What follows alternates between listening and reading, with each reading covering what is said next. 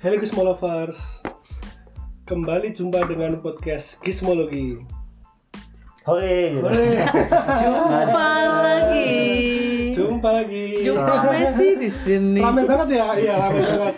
Akhirnya setelah eh, cukup lama kita nggak update konten podcast kita. Hari ini kita Sindrom liburan ada lagi. lebaran. Padahal udah lama banget, lama. udah sebulan lebih padahal. Ya karena pura-pura sibuk lah, biasa gitu. Nah sekarang kita udah masuk ke episode ke 8 Di mana sekarang kita akan masuk ke rubrik Gizmo Talk. Nah, Sekarang ada dua orang keren-keren di sini. Pertama, Cawir. ya, sahabat ini eh, bos Gizmologi kita Dan bintang tamu kita Raisa. Raisa Gak ada efek toprak. Raisa Papa Raisa apa Raisa. Sari dari FIFA dia redaktor senior di FIFA Hai. nah eh, sekarang ada isu yang lagi rame nih kebetulan yang menarik bikin banget, panik eh, eh, yang cukup rame di di media maupun dia di semua lah yakni tentang rencana pemerintah untuk melakukan regulasi email email itu apa sih nah ada yang bisa dijelaskan di sini Ini adalah gue jadi baca. Ime itu temennya Upin Ipin. intinya sih ini eh, nomor seri di device kita lah. Jadi semua perangkat tuh pasti punya ID-nya masing-masing biar nggak ketuker punya identitas macam-macam lah. Nah International Mobile Equipment nah itu dia. Eh, eh, secara ini uh, Gizmologi udah bahas tentang email ini jadi silahkan baca di gizmologi.id nah sekarang kita bahas yang seru-seru aja di sini. Eh, apa namanya Eh, kemarin eh, udah ada yang rame-rame juga. Jadi pemerintah sekarang lagi menggodok eh, tiga kementerian ya. Kominfo, Kemenperin. Kemenpen sama Kemendak. Mereka bikin apa ke- keputusan bersama ya? Iya. keputusan bersama untuk email ini. Mengapa sampai sampai apa ya pemerintah sampai bikin gitu gitu? Kabarnya sih eh, ada potensi kerugian. Mereka bilang berarti itu bukan rugi sih kalau menurut saya Eh, potensi pemasukan yang hilang yang yang yang nggak ada Ah. dari dari situ. Karena kan kalau misalkan eh, ponselnya resmi eh, ada di bea cukai kemudian eh, terdaftar di pajak macam itu sementara ketika black market itu berarti kan yang potensi pem- pemasukan itu nggak ada. Yang katanya kalau dihitung sampai triliunan dalam setahun. Dan juga data yang cukup mengejutkan juga ternyata sangat banyak ponsel ilegal di Indonesia yang jumlahnya 20% dari seluruh peredaran ponsel.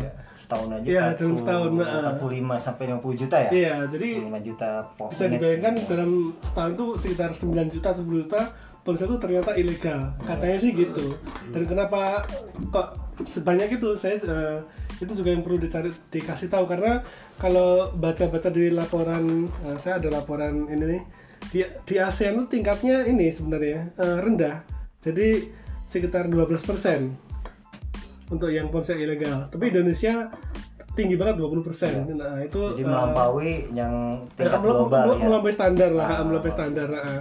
Jadi itu memang perlu jadi perhatian bersama sih ah, untuk yang ponsel ilegal. Nah, gimana nih pendapat dari Sari tentang rencana pemerintah ini? Kalau dari tujuannya sih yang paling kena kan katanya melindungi konsumen juga kan. Iya. ah. Tapi gue rasa sih nggak ada konsumen yang perlu dilindungi dari handphone maksud gue. Kalau eh, yang paling masuk akal itu adalah eh, apa?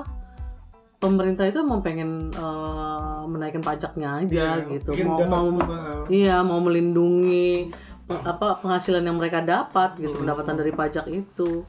Jadi kalau gue sih sebenarnya nggak terlalu setuju ya Hmm. karena apa ya kalau dilihat-lihat dari kemarin-kemarin aturan yang dibuat sama pemerintah tuh selalu keblinger.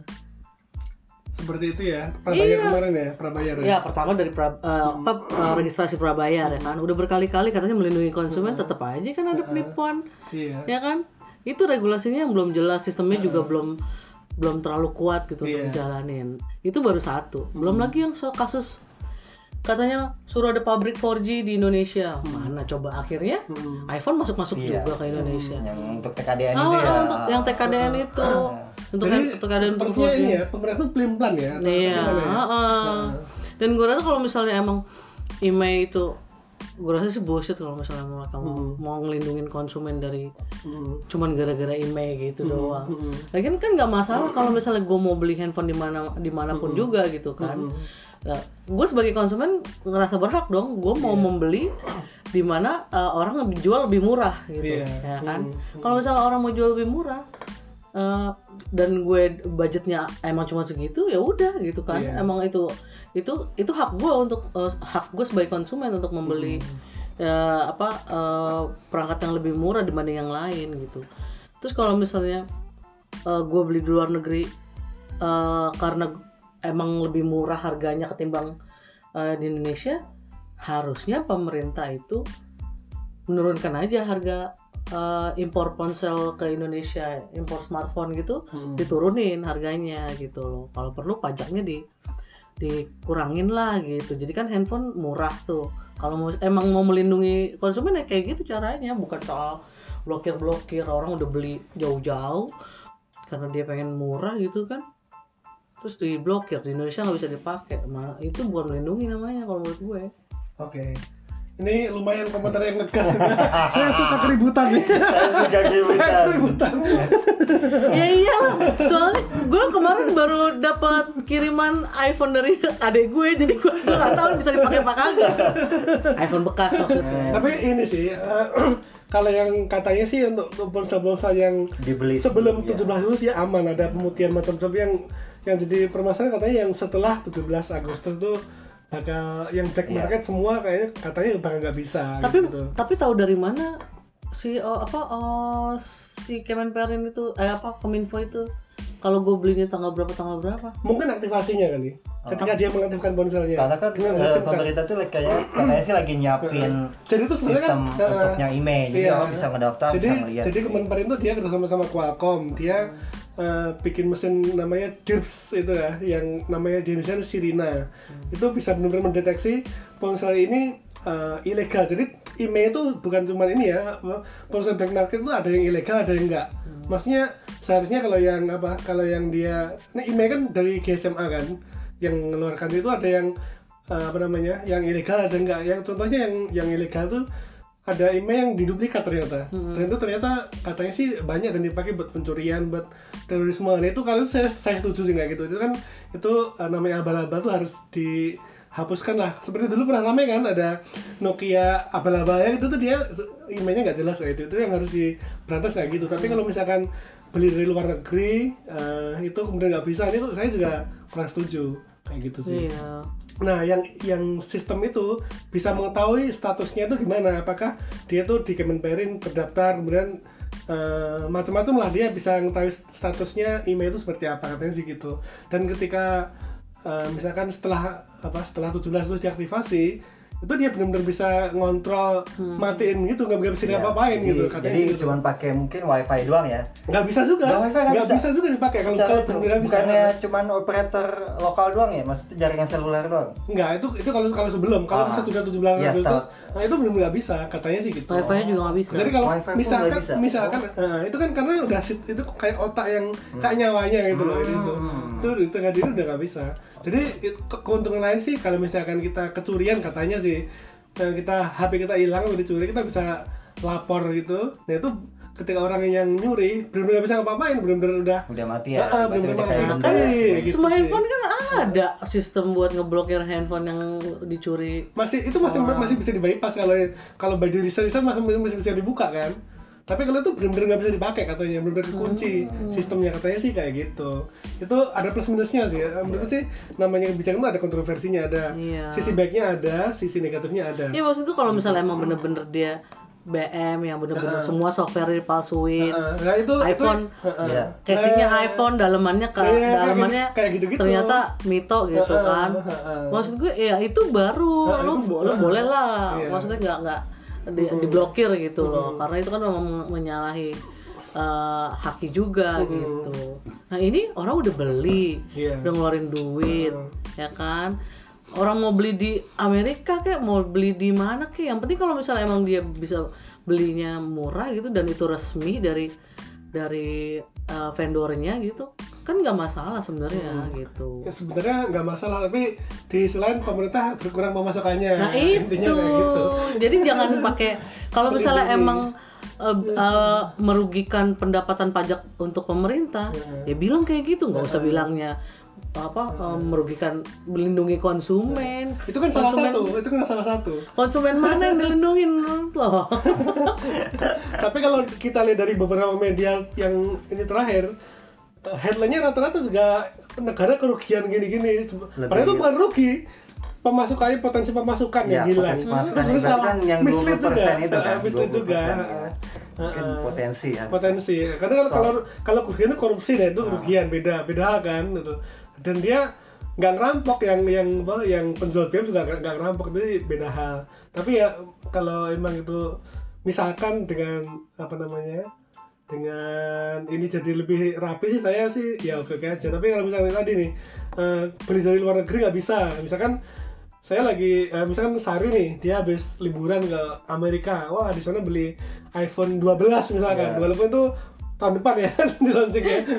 Dia beli satu di sini dipakai nggak bisa. Nih itu itu salah. Itu itu namanya melanggar hak konsumen kalau kayak gitu. Tapi memang sebenarnya kalau uh, uh, produk BM BM itu uh, masalah melindungi melindungi konsumen, gue sih nggak tahu. Maksudnya nggak tahu. uh, mungkin mungkin maksudnya melindungi konsumen biar uh, nggak beli produk itu kali ya. Lebih kayak uh, apa sih? Biar nggak beli produk uh, BM gitu.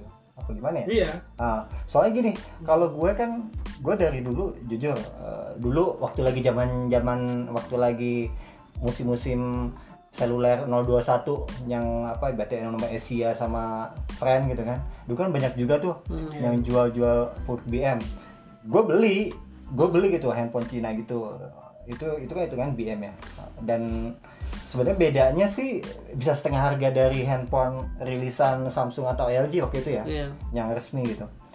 Ah, cuma waktu itu karena ya gue bokeh, gue beli lah. Itu gitu kan gue pikir ah ini mah cuman buat handphone kedua ini, nomor kedua cuman buat pengen handphone murah doang. Hmm. gitu kan karena kan dulu kan orang pakai itu nomor Asia atau nomor sem- apa yang flexi ya, flexi ya itu. Flexi bukan friend, Ah, flexi itu karena eh friend juga kan ada kan. Ah, itu karena murah gitu nelfon Hmm. sejam misalkan seribu atau apa gitu. Ah cuman gitu balik lagi gue sebagai pembeli waktu itu gue merasa ditipu. Gue dua kali lo ngalamin. Jadi satu waktu itu gue beli Nokia. Nokia itu gue beli gitu. Ah, padahal di situ udah dibilang eh, garansinya biasalah garansi produk BME kan Hmm. eh, seminggu ada gitu sebulan. Nah ini masalahnya gue baru pakai tiga hari itu baterai yang 20 jadi eh, ibaratnya saya terima telepon masuk pasti mati. Telepon pasti mati di saat gue klaim gila itu yang jual itu justru lebih galak dibandingin gue coy. Hmm. justru gue kayak digobel-goblokin gitu. Sampai tuh handphone gue gue banting di depan dia gitu kan. Karena gue kesel. Jadi lo mau ganti ya udah gue lempar jebret gitu kan. Ya tapi itu dulu maksudnya um, apa ya eh, dalam hal ini gue sebagai pembeli tuh kayak nggak punya kekuasaan gitu. Karena kan gue nggak punya kartu garansi nggak punya apa. Dan Hmm. itu juga tokonya itu modelnya kayak di rak gitu. Hmm. bukan toko ini jadi kayak model display lo Ya. modal modal Oh. etalase doang gitu Hmm.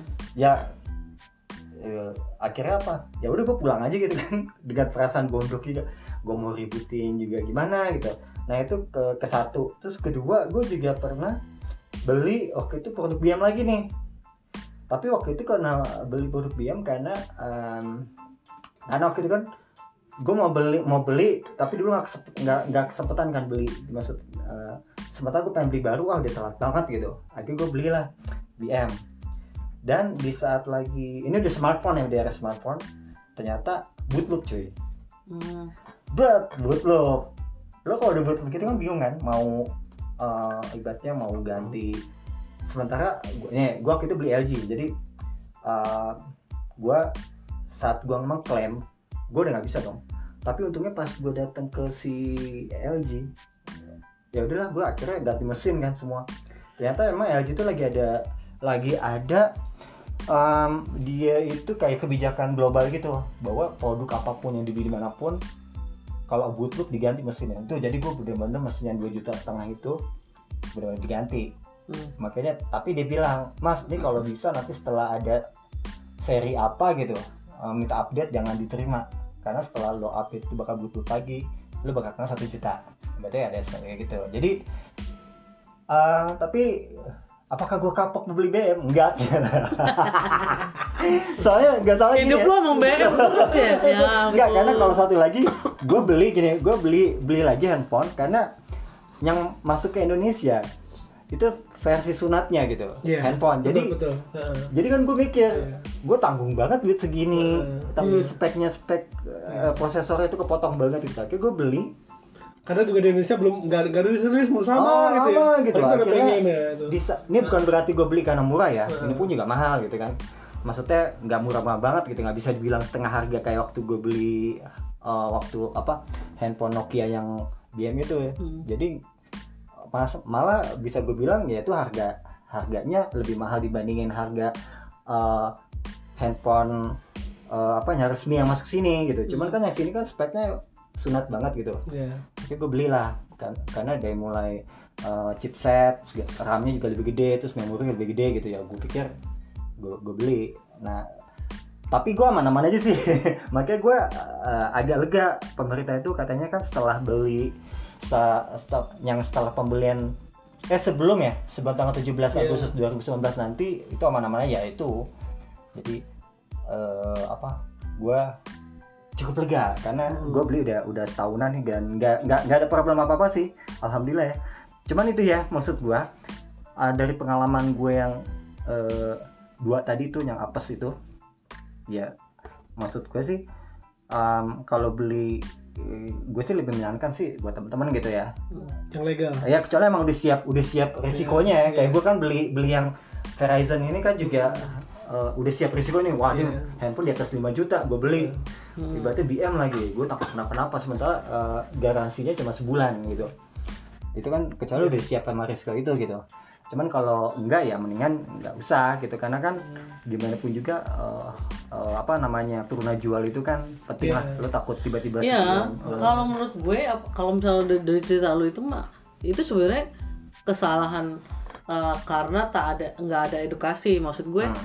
uh, lu tidak memahami uh, bedanya BM dengan asli dan segala macam. Tapi gue rasa sekarang vendor-vendor udah banyak kok yang yang ngajarin ini loh keuntungannya lu membeli yang asli dengan Iya. garansi resmi gitu. Gue rasa semua orang juga udah pada tahu itu. saat gitu. tinggal pilihan aja ya lu Iya. mau beli yang murah atau harus enggak harus gitu. terima Maksudnya, risiko lah ya Iya, Iya, iya. dan itu memang resiko. Gue rasa itu resiko dari kita sendiri, gitu. Kenapa kita nggak, kenapa kita nggak beli yang resmi? Sedangkan kalau misalnya resmi kan semuanya terjamin, walaupun emang emang sedikit lebih mahal, tapi gue rasa nggak begitu mahal-mahal banget Iya. gitu bedanya, gitu harganya, gitu. Dan dan yang jadi masalah itu adalah ketika lu beli dari luar negeri terus lu pakai ke Indonesia Nah, itu- mati itu gitu. nah itu Nah, itu kan sebenarnya tidak melindungi Iya, gitu. Yang harus dilindungi itu adalah yang handphone-handphone yang lu bilang tadi yang Iya. yang BM masuknya eh, apa ilegal nggak ada garansinya sama iya. sekali gitu. Iya, Yang iya. perlu diberantas Mesti itu. yang, yang maksudnya melindungi konsumen itu harusnya lebih ke Iya. situ ya karena gini karena yang gue lihat em, karena gue kadang-kadang sih memang eh, suka kepoin handphone-handphone yang BM-BM gitu kan ih Hmm. ternyata handphone misalnya kayak iPhone tuh paling banyak tuh BM-BM-nya tuh di e-commerce e-commerce ya marketplace segala macam itu ada, ada ada bocoran sih katanya yang yang lumayan banyak itu ya iPhone iya iPhone sama Xiaomi Nah itu banyak juga dan ternyata itu problemnya parah cuy. Jadi gue baca komen-komennya ya review-reviewnya tuh banyak yang ngamuk-ngamuk kan. Iya. Dia ternyata apaan katanya layar mulus gini gitu ternyata layar, layar tuh udah pernah diganti. Iya. Layar keset lah apa. itu resikonya gitu Ah, ah. Heeh. Dan dan sampai akhirnya teman gue tuh juga ada jadi korban gitu. Eh, nah ini perlu edukasi antara Farbis sama BM tuh. Mm-mm. Ibaratnya kadang-kadang kan garansi Iya. internasional, iPhone itu kan ribet kan. Iya. Ada garansi internasional, ada garansi distributor, ada garansi apa resmi lah, garansi toko lah apa gitu. Jadi, nah itu yang bikin mereka bingung tuh.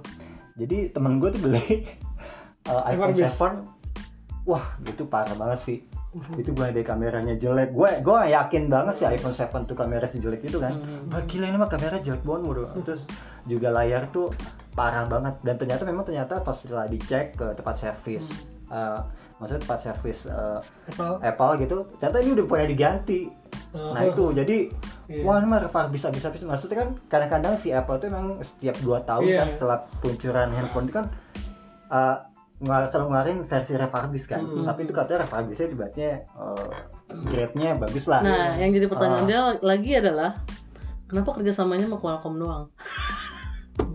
Nah lo sama ini Kalau kalau yang gue baca kemarin kemarin ya, prosesor kan banyak nggak cuma Qualcomm Iya. doang. Misalnya Samsung Ini- juga kan nggak cuma kalau yang gue baca ya, ini eh, apa namanya? Kenapa Qualcomm? Karena Qualcomm yang mengembangkan sistem untuk bisa me- apa, melacak email hmm, tahu gitu. gue. Heeh. Dan dia udah sukses di diaplikasikan di Pakistan. Dia berhasil banget di sana dan katanya sih dengan dengan ditutupnya apa eh, nggak adanya ponsel ilegal di sana, terus sama di Turki juga, akhirnya banyak banget ponsel ilegal yang masuk ke Indonesia katanya sih gitu. Ada ada yang bilang oh karena gitu. akhirnya berarti kita kecipratan pangsa pasar yang katanya sih gitu. Maka- makanya eh, apa namanya? Kemenperin kemudian kerjasama sama Qualcomm. Termasuk yang ngajarin juga orang-orang bekas-bekas Pakistan juga ke Oh, sini oke. katanya gitu. Dan itu sebenarnya kata open source. Dan saya katanya ke Qualcomm katanya free dia ngasihnya. Katanya tapi nggak tahu juga. Hmm. Itu bagian dari komitmen mereka buat Indonesia. Karena kan ini dia kayaknya nggak duitin dari situ dari dia duitnya Hmm. eh, duitin dari Oppo dari macam-macam lah kayak gitu sih Hmm. kayak gitu. Katanya sih- ngeduitin dari Oppo dari maksudnya dia duitnya maksudnya dia jualan prosesor ke situ gitu loh jadi dia, dia tuh bagian dari servis ke negara gitu ya, loh lebih kayak mungkin kayak CSR gitu. Heeh, CSR tapi buat buat buat pemerintah gitu loh kayak gitu Oke. aku tanya mesinnya free dia katanya. Iya. Nah, ini ya. Terus eh, softwarenya ada. Kalau softwarenya itu dia open source jadi terserah negara mau ngapain dia terserah. Dia dia, dia bisa di download di GitHub gitu katanya. Jadi tergantung ke- kebutuhan negaranya buat apa email itu di buat macam-macam bisa gitu. Katanya sih seperti itu. Nah ini kemarin juga kemarin dia ngeluarin infografis nih. Katanya kontrak email ini untuk melindungi konsumen dan industri. Tujuannya seperti untuk meningkatkan kesadaran masyarakat terhadap produk dalam negeri kalau menurut kalian ini eh, efektif nggak dengan kayak gini Produk dalam Untuk, negeri. untuk dalam negeri. Oh mungkin karena sekarang handphone tuh banyak diproduksi di dalam iya negeri. ya. bisa jadi Kayak si Samsung kan udah. TKDN TKDN itu kali ya. Ah karena eh, Nah, padahal kan ya itu nggak ada hubungannya juga karena iPhone dia juga laku banget sementara Iya. dari luar negeri juga kan gitu Hmm. kemudian untuk melindungi konsumen dengan sinkronisasi email dan SIM card ya itu ya ini melindungi itu yang seperti itulah nggak dan melindungi industri ponsel dalam negeri. Nah itu kayaknya yang TKDN kayak gitu sih mungkin. Kalau kayak menurut gue sih ya itu dia. Mungkin karena uh, peraturan ini kontrol email ini ada ya karena untuk uh, merebut kembali Iya. uh, peluang yang hilang itu kan. Karena si ponsel dan selain itu. pemerintah kayaknya sih kalau aku lihat ini eh, distributor ponsel. Kan eh, kalau kita lihat sejak dua tahun atau tiga tahun ke belakang ada ada satu lah distributor yang sangat apa ya concern dengan bikin apa ya bikin bikin isu ini yang Jaya itu kan lumayan kan dia mengeluh dengan ponsel BM bla bla bla bla, Oh, bla, bla, bla. karena ya karena itu karena dengan ponsel black market dia Kehilangan- kehilangan pembeli, iya. makanya dia terus menerus apa namanya Ah. ke media tuh eh, mengeluhkan dengan itu itu itu itu, itu. Ah. dan mungkin ini juga lobbynya nggak tahu juga sih mungkin ini akhirnya sampai ke pemerintah juga kayaknya sih gitu Iya. jadi ini potensi potensi potensi apa ya kehilangan pendapatannya dari distributor yang gede banget itu dan juga dari pemerintah. Cuman nanti kalau misalkan ini udah udah berlaku berarti kan mau gak mau yang yang di Roxy atau Ambassador itu mau gak mau kan ikut ke mereka kan. Nah sementara eh, sekarang tuh menurut saya distributor ponsel tuh nggak sehat sih karena yang yang apa ya? Ada monopoli eh, sana ah, ah, gitu RRC ya. itu benar-benar besar banget sih ngon- Iya. kayak ngontrol semua. Sementara saingannya Telkomsel udah udah kecil banget itu menurutku sih perlu perlu dibikin peraturan Iya. juga nggak tahu jangan Ini sampai biar- nanti dikuasai Iya, oleh iya, salah satu itu monopoli, itu, monopoli. ah, ah, malah harganya ah. malah nggak Iya, nggak apa ya maksudnya kompetisi harga itu malah nggak Iya, ada nanti kan ah. malah ya maksudnya semua kan ke situ Eh, Samsung, Oppo, semua kayak semua ponsel tuh pasti masuknya ke situ kan gitu. itu Hmm. mungkin perlu di ini juga dari dari pemerintah biar biar lebih fair lah untuk distribusi ponsel juga gitu jadi Ya. semua semua sehat lah gitu ah, Heeh. jadi sih kalau menurut gue ya em, eh, masalah yang eh, kontrol email untuk eh, ponsel BM ini menurut gue ya Mm. eh, karena gue pernah merasa dirugikan pernah was was pernah ini ya eh, cukup ber- bermanfaat sih dalam arti biar aware, aware nih orang lu jangan beli jangan beli yang BM Hmm. pasti mereka tuh mungkin lebih kayak eh, lebih kayak shock terapi ya. Iya. kayak lebih aduh ntar nanti nggak bisa dipakai nih gitu kan. Nggak bisa dipakai. Cuman itu dia kalau yang tiba-tiba siapa tahu gue nanti keliling dunia kan setiap negara gue pengen beli handphone balik ke Iya. Indonesia nggak bisa dipakai kan tuh zonk juga gitu. Dan ini ada satu lagi yang saya cukup tergelitik ya. Jadi eh, kan udah udah lama udah kemudian sejak beberapa hari kemarin Kemenperin katanya dia mengeluarkan eh, yang dari Qualcomm itu Drips itu sistemnya namanya Sirina, sistem identifikasi dan registrasi email nasional. Sementara barusan saya baca-baca di berita juga eh, dari apa namanya dari SDPPI Kominfo. Dia Sibina melapor- ya, melaporkan namanya dengan Sibina itu bingung nih sebenarnya apakah Sibina itu sistem informasi basis data email nasional? Apakah sebenarnya Sirina itu nggak jadi diganti dengan Sibina atau ini dua hal yang berbeda. Ini menurut sih ag- agak aneh sih. Iya. Karena kan sebelumnya udah udah udah digembar-gembar namanya Sirina kan. Dari Kemenperin sebenarnya sementara Kominfo bikin Sibina apakah Kominfo bikin sendiri kemudian Kemenperin bikin sendiri ini ya itu perlu di ini juga. Tapi menurut lo enakan lebih tinggal si Bina apa si Rina? Kalau Rina eh iya temen ya? Ke teman si Bina. Katanya si Bina ini eh, data yang diolah si Bina bisa menghasilkan whitelist, notification list, access list dan blacklist saya sama, hampir sama sih dengan yang yang kemarin juga nih saya masih belum terlalu jelas sih ini nantinya seperti apa ya mau karena kan kadang-kadang di Indonesia jeleknya kayak gini antar instansi itu ya, ah, nggak- nggak nggak sinkron kadang, kadang ya. saingan gitu tuh Ah. ini mudah-mudahan ini ini sih mereka kompak sih mudah-mudahan karena kalau ini juga kalau dari sini juga. kompak nanti Eh, gimana nanti bakalan juga sinergi sih. untuk Iya. eh, apa nanti begitu diberlakukan nanti nih Heeh. kontrol email nih Iya. Heeh. Apalagi nih, nanti eh, apa namanya? Kabinetnya udah mau ganti lagi nih. Ntar kan takutnya berubah lagi repot juga.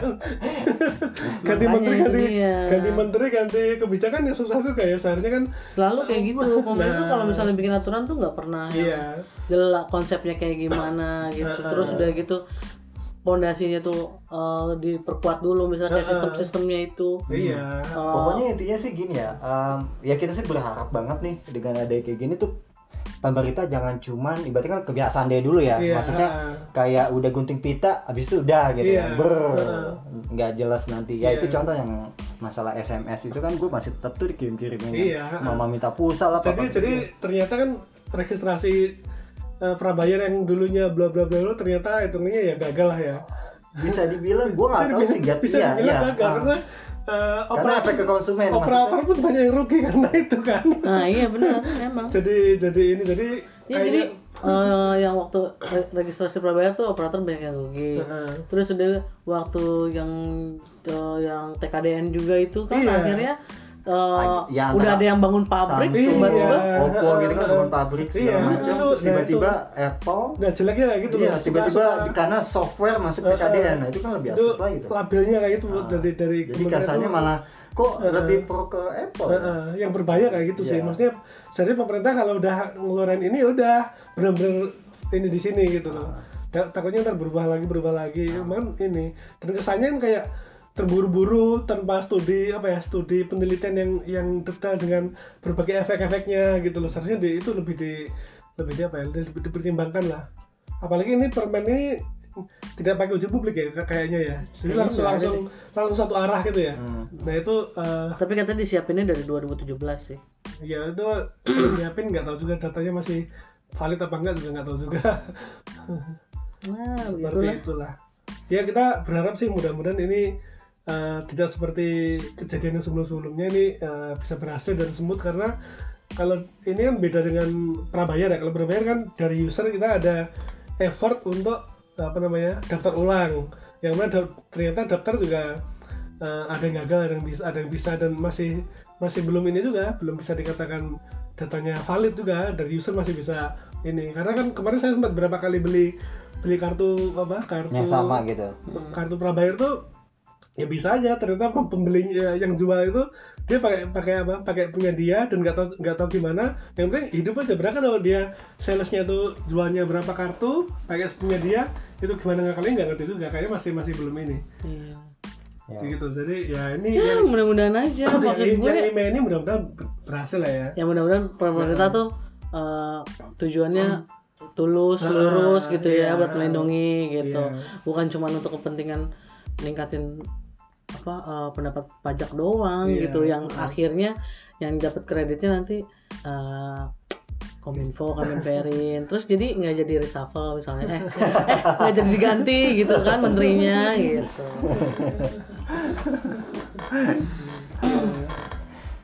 So, gimana? Jadi masih mau beli? agak susah sih ya, karena itu kayak kayak memaksa gitu sih Ah, iya, iya. kayak memaksa cuman ya itu yang perlu digarisbawahi tadi ketika beli di luar negeri secara perseorangan seharusnya ada mekanisme misalkan nggak tahu ketika di imigrasi itu kan dicek tuh hand- handphonemu eh, ini kan baru nih eh, apa namanya belum terdaftar di ini apakah ini kalau mau diaktifasi misalkan bayar di pajak di imigrasi atau apa itu harus ada mekanisme kayak gitu sih. Yang penting bisa dipakai aja yang penting gitu. Harus harus. Ya pokoknya gue gue sih setuju kalau misalnya emang eh, masalahnya untuk menanggulangi ponsel-ponsel BM itulah gitu kan.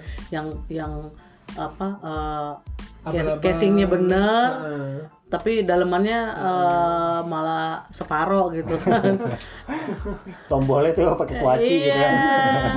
yang ponsel-ponsel BM gitu totonya dijualnya harganya sama sama ponsel resmi nah itu gue setuju dia tuh kalau kayak gitu tapi kalau misalnya dia orang mau beli uh, di luar ke luar negeri uh, biar bisa dapetin murah atau dia pengen Yang jadi yang terbaru. pertama Hmm. untuk pakai ya gue rasa sih itu hak konsumen lah hak personal lah iya ya. personalnya kita sebagai konsumen Sebentar kita mah sobat miskin mah udah ya. Iya. dapetnya dari Dorpras ya gue rasa sih lebih harus digalakin lagi edukasi soal BM tuh Iya. apa, Iya. apa kerugian beli BM dan keuntungan buat eh, beli eh, hand- eh, yang resmi itu kayak gimana gitu. Iya. Gua rasa dulu- itu harus diga- lebih digalakan lagi dan gua mudah mudah-mudahan dengan email yang diberlakukan ini industri smartphone, industri persenjataan itu makin bergairah gitu, bukan malah turun gitu, loh, ya kan? iya. Seharusnya gitu. Sengaja uh, ibaratnya kan termasuk terutama untuk brand-brand lokal nih. Iya. Kan udah ibaratnya itu kan celah yang eh, celah yang terlarang itu Iya. ditutup lah. Iya. Nah itu harusnya bisa jadi potensi buat mereka Iya. juga sih.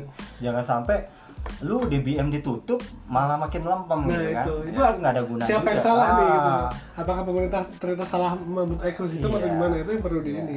tapi kan datanya Gitu kan katanya eh, pem- pengguna seluler itu ada 200 jutaan ya. Nah, Iya. yang pakai smartphone itu cuma 70 loh kalau nggak salah 70 atau 80 juta gitu.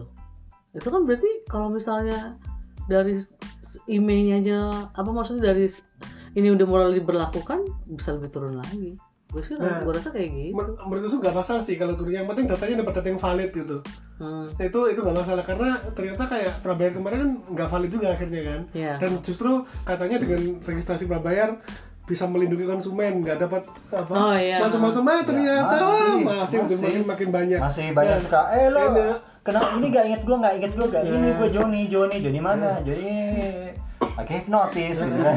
nah itu nah itu seharusnya kalau ini eh, data yang lebih akurat terus itu ya nggak apa-apa juga kita Nih kita di gitu. handphone gue Heeh. SMS-nya dari nomor yang nggak dikenal semua. Nah, Rata-rata kayak 50% menawarkan KTA. sama, iya. Iya. Dan Iya. selamat Anda resmi mendapatkan hadiah 50 juta. Bangke. intinya kalau ini registrasi prabayar gagal lah Ya. programnya gagal lah. Nah, ah, makanya kalau misalnya ini gagal lagi mah ya udah ya ditakin ganti aja Pak. Jualan itu aja ke outlet. Buka outlet. Ya. Mudah-mudahan ini berhasil. Menteri selanjutnya yang nggak tahu siapa juga melanjutkan program jangan kemudian diubah lagi diubah Iya, lagi. Wah, jangan salah lagi. Ya, konsisten lah, gitu, konsisten. ya, kok nggak seenggaknya misalnya nggak bisa Harus- bikin lebih baik, seenggaknya konsisten lah. Gitu aja. Iya harus ada semacam blueprint yang yang benar-benar ada apa ya ada penelitian mendalam. Misalkan dalam berapa tahun-tahun ke depan tet- tetap dipakai itu bukan diubah-ubah gitu. Jadi arahnya jelas ke mana Indonesia ini akan melangkah gitu jadi Indonesia juga seharusnya dengan berbagai macam apa ya yang udah ada sekarang industrinya makin maju jadi intinya eh, apa ya orang Indonesia juga bisa eh, berkarya lah kayak apa ya tuan rumah di negeri sendiri gitu asik. Sip. Udah seperti itu Oke. lagi. Ada lagi nggak? Kayaknya Ah. udah ya. Kayaknya kita udah udah punya jam deh. kayaknya. Buset jam 4 ini jam 4, jam 4 subuh ya kita ngobrol. Gak, gak serasa ya. Ternyata udah berapa menit? Kayaknya udah setengah jam. Oke. Terima kasih untuk eh, mendengarkan podcast dari. Gizmologi. Saya mau di Ayunda. Dan ini siapa? Cawi. Cawe dan saya Bambang. Sampai jumpa di konten podcast berikutnya. Jangan lupa follow eh, konten podcast kita di Spotify dan baca juga gizmologi.id. Terima kasih. Bye bye. Bye, dadah, dadah, dadah.